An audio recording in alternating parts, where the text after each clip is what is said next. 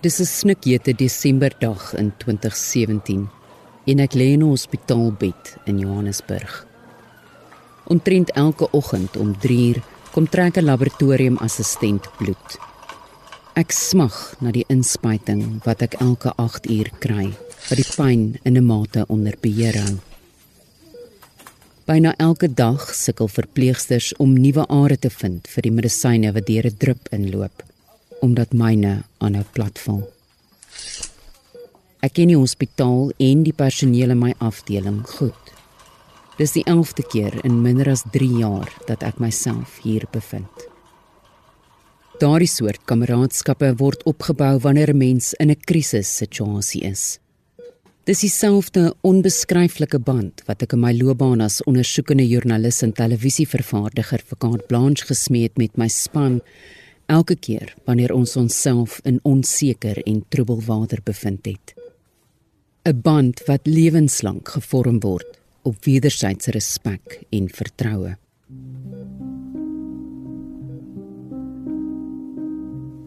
Ek is emosioneel en ek huil aan mekaar. In my kop probeer ek sin maak van wat dokters oor die afgelope paar dae vir my gesê het en nie gesê het nie. Dis asof 100 jaar oor 2 weke afgespeel het en die lyne is afgeets op my wasbleek gesig.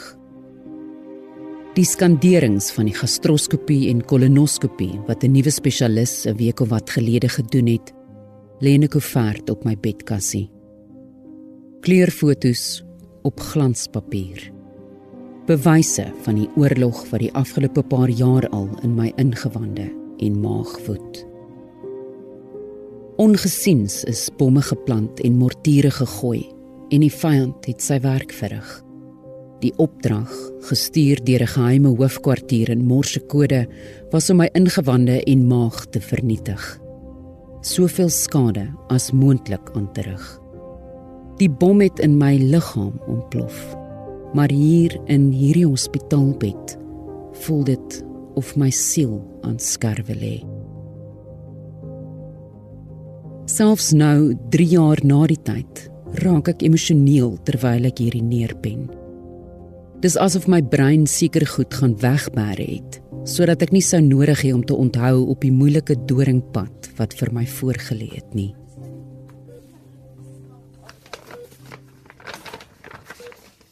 My spesialis staan langs my bed en haal die fotos uit die koevert. Dis Crohn se siekte en dis ernstig, sê sy. Sy vat 'n pen en begin op sekere dele van die kleurfoto's op die glanspapier oneweredige vorms trek van waar die meeste skade in my maag en dun en dik darm is. Hy is baie siek en gaan nog 'n hele ruk hier moet bly, sê sy. Ons wag 10 uitgerekte dae vir die uitslae van die biopsies. Dit sal aandui hoe diep die krans versprei lê en hoe ernstig die bloeding is van die sere in my ingewande en maag. Sy kan nie bevestig hoe lank ek al Crohn se siekte het nie, maar na gelang van die skade waarskynlik al etlike jare. Die kroniese pynsiekte fibromialgie is 8 jaar voor hierdie diagnose by my gediagnoseer. Ek is sedert 2009 daarvoor behandel. Ek het in die vorige episode vertel hoe ek vir dae en maande lank in 2017 vasgekluister was aan my bed weens uitmergelende pyn en onuithoudbare moegheid. In daardie jaar het ek dikwels gevoel dat my pleidooie oor presies hoeveel pyn ek het, hoe moeg ek is en ander simptome wat ek begin ervaar het, telke male op dowe ore geval het. Crohn se siekte is 'n inflammatoriese darmsiekte wat lei tot inflammasie in die spysverteringskanaal en soms in die vel, oë en gewrigte. Die algemene byna daaglikse simptome wanneer die siekte aktief is, sluit in erge diarree, maagkrampe en 'n geswolle buik, naait, koors, anemie en erge moegheid. Gewigsverlies en wanvoeding kom dikwels voor weens die liggaam se onvermoë om kos te verteer en voedingsstowwe op te neem. Leiers het ook soms mond- en velsere. Maag en gewrigspyn word deel van jou lewe en leiers ontwikkel dikwels reeds op 'n vroeë ouderdom artritis. Die siekte kan lewensgevaarlik wees en is soos al 80 outoimmuunsiektes ongeneeslik. Die presiese oorsaak is steeds onbekend.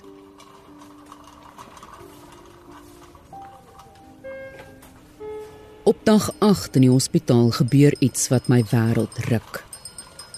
Die aandbesoektyd is pas verby. Ek het 'n string besoekers gehad en my goeie vriende Rudolf en Wessel het pas gegroet.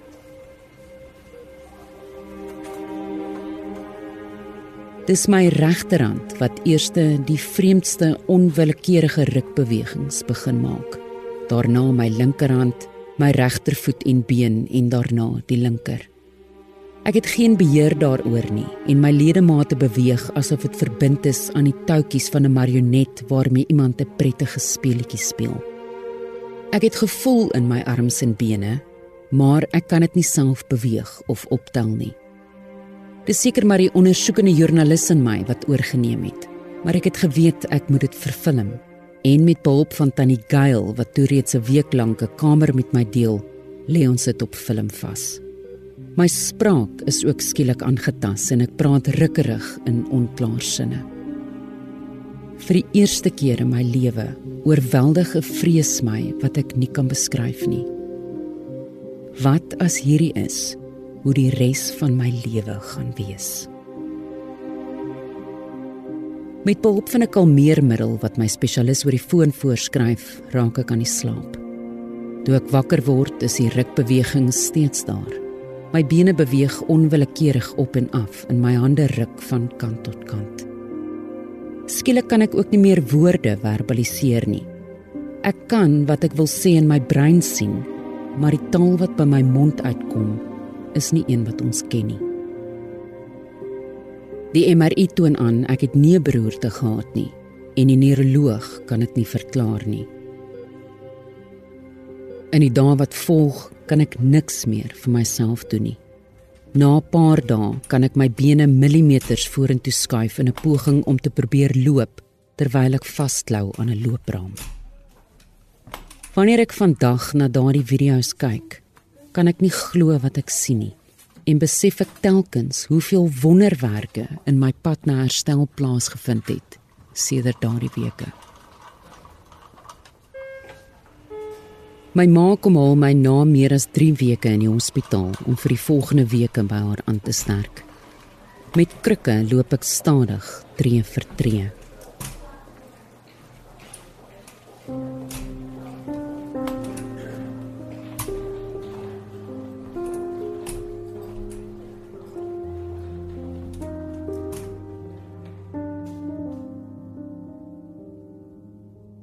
Vir die volgende paar maande kan ek net vloeistof inneem en ek slaap byna 20 ure van die dag.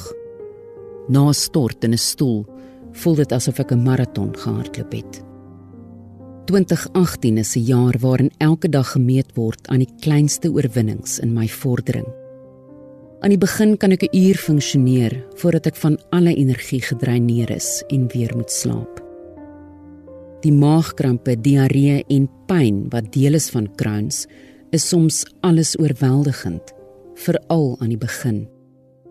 Ek leef werklik net van uur tot uur. En wanneer ek my oë sluit saans, is ek dankbaar vir elke klein wonderwerk.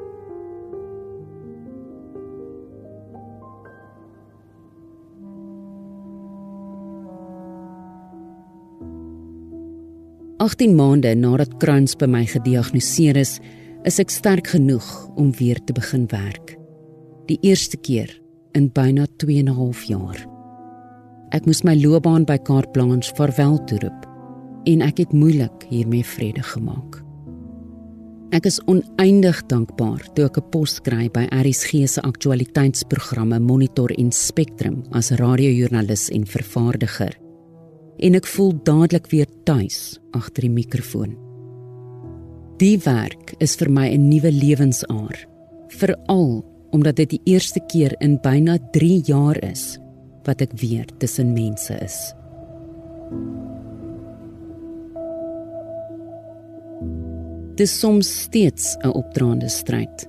Maar van die skade in my ingewande het reeds goed herstel. Ek is met tye steeds bitterlik siek, maar ek het ook geleer hoe om die siekte te bestuur. Crohn's het vele ander simptome wat met tyd intree, maar dit word maar so half deel van jou bestaan.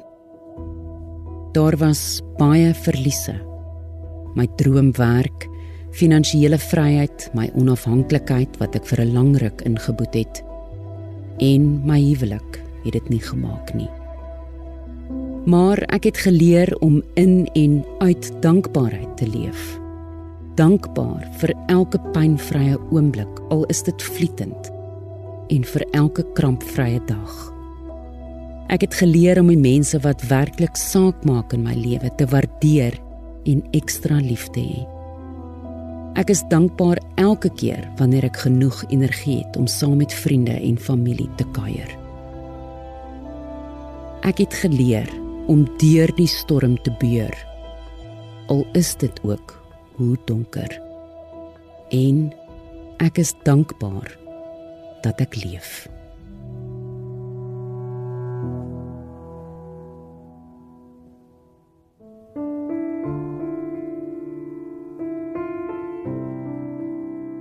Dit word nogal 'n stryd tussen jou en jou skepper. Dis met groot omstandigheid wat mens elke dag onderhandel want ek wil myself in alle opsigte soos 'n normale mens sien is my ongelooflik moeilik om te sê maar ek is nie soos ander nie. Ek wil dit eintlik nie aanvaar nie. Die kommunikasiekunde dosent en media konsultant Dr Elsabie Peppler dra reeds die afgelope 5 dekades swaar aan die drie outoimmuun siektes waaraan sy ly. Hoewel die eerste eers op 18 jarige ouderdom gediagnoseer is, het haar simptome reeds begin toe sy 11 jaar oud was. Toe ek 12 was, het hulle my 6 maande uit die skool uitgehaal omdat ek so vreeslik diarree gehad het en baie moeg was en daar was maar altyd bloedprobleme. In die 1960s was outoimmuun siektes nog redelik onbekend, veral in Suid-Afrika. Het jou ouers en familielede verstaan wanneer jy gesê het jy is siek? My ouma het by ons ingetrek en ek kan onthou ons het so wit enamel emmer gehad en haar maag het eenvoudig in strome gebloei in daai emmer. Toe ek nou dieselfde simptome begin kry, het my ma ons op dieselfde dieete gesit. My herinnering is dat my ma kwaai was met my daaroor. Jy moet verstaan sy was die liefde van my lewe, maar sy het nie vreeslik geduld gehad vir mense wat sukkel nie. So ek het baie hard probeer om nooit te sukkel nie. In haar eerste jaar aan die Universiteit van die Vrystaat word die outoimmuun siekte ulseratiewe kolitis by haar en haar ouma gediagnoseer. Ek dink nie ek het enige implikasies besef nie. Die feit dat die dokter gesê het hy's verskriklik jammer, was nogal onrusbarend, maar ons het nie geweet wat kom nie. Ulseratiewe kolitis is 'n kroniese inflammatoriese darmsiekte wat tot dieselfde groep behoort as Crohn se siekte maar dis beperk tot die kolon en rektum. Watter impak het jou simptome op jou lewe gehad toe jy op universiteit was en veral in jou 20er jare? Ek onthou die maagpyn, die braaking, die naar, die diarree en koors. Jou immuniteitstelsel is onder druk en jy reageer met koors en koue koors. In 1986, 12 jaar nadat die siekte amptelik gediagnoseer is, draai jy by die dood om? Ek het kans gevat. Ek het nie versigtig die eet gevolg nie. En ek het ook eintlik besluit ek het nie die pille nodig nie en ek het dit doelbewus gelos.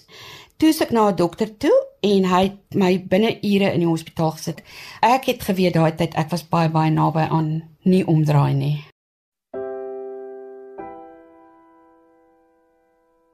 Ek het baie verlate gevoel. Jou sosiale lewe is die eerste ding wat onder die impak van so 'n siekte lê. Skielik praat 'n mens oor rektum en jy praat oor stoelgange en jy praat oor diarree en jy praat oor braaking. Dit is half vernederend om daaroor te praat. Ek het gevoel of ek op 'n sekere plek is, al die ander mense is op 'n ander plek. Siek wees sonder 'n mens af, sê Elsabie. Dit neem jou op 'n introspektiewe reis waar jy sonder ophou na antwoorde gaan soek. Hoekom gebeur dit met my? Party oggende is jy so moeg jy kan nie uit die bed uitkom nie. Elke bewustelike oomblik het jy pyn.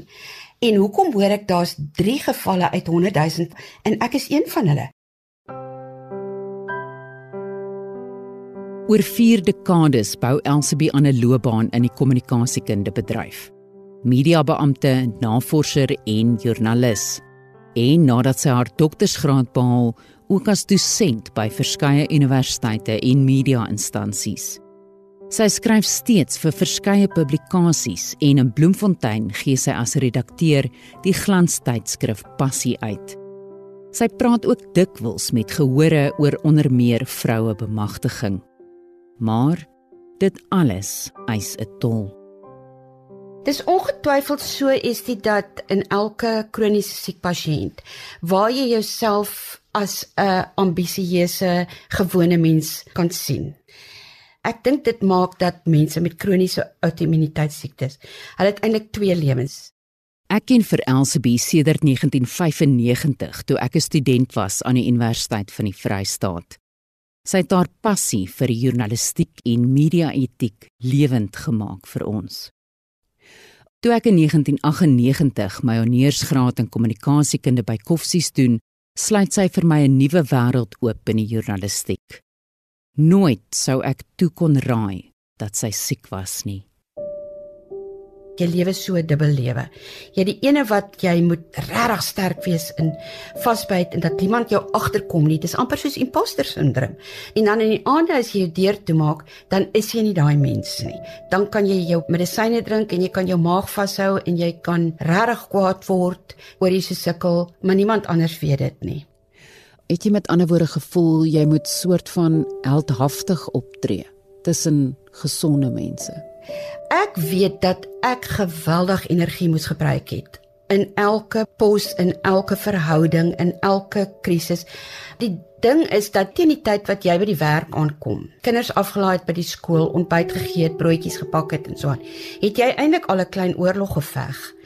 Ek het baie gesukkel toe ek 'n alleen ma was. Ek het gesukkel met geld. Dit was swaar. Ek sal vir jou sê met tye dat as jy loop dan voel jy eintlik hoe sleep jou voete, maar jy wys dit nie vir ander mense nie. Jou twee dogters, Greta en Mia, was nog klein. Hoe het jy alles hanteer? Jou kinders grootmaak, jou loopbaan en jou siekte. Ek het my alles in hulle ingestort. Ek het op daai stadium nie gewerk nie, maar toe hulle seker so 4 en 6 is, het ek gaan probeer my PhD te doen en ek het pos by die universiteit gekry, maar ek was siek. Hulle weet net dat ek altyd dokters gesien het. Ek het baie keer vir my ouers nie vertel wat dokters gesê het nie en nie vir my kinders vertel nie. Sy sê haar innerlike pyn en isolasie is ook gewortel in skuldgevoel. Jy voel ook skuldig oor jou geliefdes want hemel jy sit hulle nou deur baie ellende hoor. In 2007 terwyl sy 'n kommunikasiekunde dosent is aan die Universiteit van die Vrystaat word kolonkanker by haar gediagnoseer. Dis een van die risiko's wanneer pasiënte vir jare lank ly aan inflammatoriese darmsiektes. Ek het maagpyn gehad en ek het geweet iets is fout met my maag. En toe ek na my gereelde dokter toe wat altyd kolonoskopies gedoen het en toe sê hy jou kolon moet onmiddellik uit. En hy het gesê omdat ek klas gee en ek praat nogal baie by geleenthede, gaan hy vir my probeer onafhanklikheid preserveer en hy gaan aanvanklik vir my 16 cm kolon los. Net dat ek nie so uitgelewer is aan diarree en so aan nie. Nou, vat toe die hele kolon weg en ek gaan toe deur chemo van 6 maande en toe die chemo klaar is, het my bene verskriklik gepyn en ek gaan toe terug na hom toe en ek sê te vir my hierdie pyn in my bene is nie eintlik iets waarmee ek kan leef nie. Ek kan nie staan in die klas nie. Ek kan nie dink nie. Dit oorweldig my. En toe sê hy vir my hy het dit verwag dit gaan gebeur omdat hulle 16 cm stukkie gelos het. Ek gaan nou vir 'n PET scan. En toe ek die uitslae kry, toe sit die kolle in my rektum soos 'n helder opkomende son. Toe het hulle die rektum verwyder en vir my 'n sakkie van my dun darm gebou. Elsabie sê sy was op die kruin van haar loopbaan toe sy hierdie uitdaging moes trotseer en dit het vir haar gevoel of sy vir haar lewe en haar loopbaan moes veg. Elsabie, hoe donker het dit in jou geword in hierdie tyd? Elke derde week het ek vir chemoterapie gegaan, dan is dit elke dag. Ek het daai goeters in chemoterapie gesien en beleef wat gewone mense niks van weet nie, niks. Jy is nie op 'n plek waar mense met jou reguit praat nie. Hulle soort van vermy jou. Stuur blomme en dan dan droog die blomme en die kossies op 'n dag op en jy stok siel alleen. Ja, dit was pikdonker. 3 jaar nadat haar dikterm verwyder is vir die outoimmuun siektes, reumatoïede artritis en daarna ook ankoliserende spondilitis by Elsabie gediagnoseer. RA is 'n kroniese inflammatoriese toestand wat die gewrigte aantas, terwyl AS 'n skaars soort inflammatoriese artritis is in die ruggraat en groot gewrigte. Ek was baie onvoorbereid vir die reumatoïede artritis gedeelte en spesifiek die spondilitis. My rug is verbrokkel in baie opsigte. Jou elmboë is groot, jou hande is groot, jou heupe klop, jou voete klop, jou knieë haak vas. Dis nie die ideale toestand vir enige mens om in te wees nie. Elspie, kan jy probeer om hierdie pyn in jou liggaam vir my te beskryf? Hoe dit voel? Dit is soos twee boorpunte wat van weerskante af in jou heupe ingeboor word. Dis soos 'n blaasvlam wat veral in die gedeeltes tussen my gewrigte al die vliesstof rondom elke gewrig is ontsteek. Dit affekteer die tendens. Al daai tendens is ontsteek. Intense moegheid is deel van die lewens van mense wat ly aan outoimmuun siektes. Hoe voel hierdie moegheid vir jou en hoe hanteer jy dit? Ek kan nou die verligting kry om in die bed te klim, maar dan moet ek my tande borsel. Ek moet my nagklere aantrek en ek kan dit nie doen nie. Dis nie dag vir dag nie. Dis uur vir uur. Jy sorg dat jy van 8uur tot 9uur oorleef. Dan 9uur sorg jy dat jy van 9uur tot 10uur op jou voete bly. Jy dink nie eers aan 6uur tot 7uur wanneer jy moet kos maak en die hondjies moet voer en die kinders aandag gee. Jy, jy dink eenvoudig net nie daaraan nie. En dan sê jy jy het ook voortdurend brain fog. Hoe laat die simptoom jou voel? Jy's dof. Dit voel of jy onder 'n kombers is en jy moet op gewone manier kommunikeer. In die akademie moet jy op jou voete wees en jy moet dink. Jy sien soveel as 4 nagraadse studente op 'n dag wat besig is met verhandelinge. En dan kom hulle en jy kan nie onthou watter onderwerpe sy mee besig nie. Ek het toe ook besef dat ek glad nie meer voorgraadse klas kan gee nie. Dis 'n gevoel van jy kan nie meer op jou voete dink nie. Dis soos 'n bokser. As 'n bokser nie kan dink nie, moet hy seker nie in die kruit klim nie. En dis baie so met breinmoegheid. Wanneer konvensionele medisyne nie meer werk nie, word outoimmuun siektes dikwels met biologiese middels behandel. Dit word gemaak van mikroskopiese suikers, proteïene of van die DNS van lewende organismes of bakterieë. Pasiënte dien dit self toe deur middel van 'n inspuiting of ontvang dit binneaars. Dit verminder inflammasie en gewrigskade en verbeter pasiënte se lewensgehalte, maar dit onderdruk die immuunstelsel. Ek was reeds op 3 biologiese middels. Die goed is verskriklik duur. So jy moet aan 'n baie goeie mediese fonds behoort. Jy beraam eintlik nou 'n rekening. Dit gaan my pyn laer maak, maar ek loop verskriklike risiko's omdat jou totale immuunstelsel word nou onderdruk. My laaste biologiese middel, ek het dit 2 maande gelede gelos oor die eenvoudige rede dat emosioneel het dit vir my moeilik begin word om myself in te spuit. Ek weet nie of dit die prys te regverdig nie omdat ek nie 'n kolon het nie, vervaardig my stelsel nie goeie bakterieë nie. Dis iets wat jy baie goed moet deurdink voor die tyd oor die finansiële prys, oor die emosionele prys en dit is eintlik die prys van jou lewe. Jy het oor die jare heen talle spesialiste geraadpleeg. Wat is jou ervaring met dokters? Ek weet dat daar baie mense is wat 'n baie empatiese dokter het, maar ek het dit nog nie ervaar nie. Ek dink die verhouding met die dokter is 'n kernprobleem vir baie mense wat outoimmuniteitssiektes het. As jy voel dat jy daar nie geglo word nie, dan dink ek twyfel jy aan jouself. Sedert my honeursjaar 22 jaar gelede het ek en Elsabie oor die jare heen kontak gehou en 'n diep begrip het in ons vriendskap kom lê toe ek self 13 jaar gelede begin siek word het. Hierdie reeks se naam is 'n tronk van pyn. Voel dit soms vir jou of jy in 'n tronk opgesluit is? In elke opsig, fisiek, jou fisiologiese simptome, jou liggaam wat vir meer as 50 jaar al nie die werk doen wat hy moet doen nie, emosioneel, intellektueel, verhoudingsgewys, sosiaal, dit sny jou af voel jy soms dat jou simptome so alles oorweldigend is dat jy net wil moet opgee. Vandat my kolon verwyder is in 2007 en die RA regtig begin het, kan ek vir jou sê dat daar gaan sekerlik nie 3 dae verby wat ek nie wens ek kan net uit hierdie ding uitkom nie. En by hierdie ding praat ek van die lewe. Met tye is dit net eenvoudig te swaar, dit is te alleen. Dit is te moeilik om verhoudings daarmee saam te hê. En ek sal dit regtig net vir jou nou eintlik hier sê, dit is dat elke dag is daar 'n gedagte van kan ek van 'n brug af gaan klim? Kan ek onder 'n lorry inloop of miskien hierdie treine wat so aankom? As ek dalk net die kar laat stol? Ja, dit dis 'n realiteit. Elke dag. Wanneer die son jou oë sluit, is daar oomblikke wat jy net hoop dat jy nie weer môreoggend gaan wakker word nie. Jy kon nie hierdie beter gesê het nie. Baie aande as ek my oë toemaak, dan hoop ek eintlik net ek wil nie môre wakker word nie.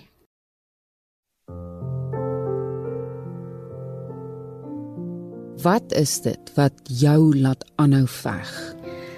Miskien is dit 'n verantwoordelikheid teenoor jou Skepper om bewusmaking te help skep verantwoordelikheid teenoor familie en spesifiek jou kinders.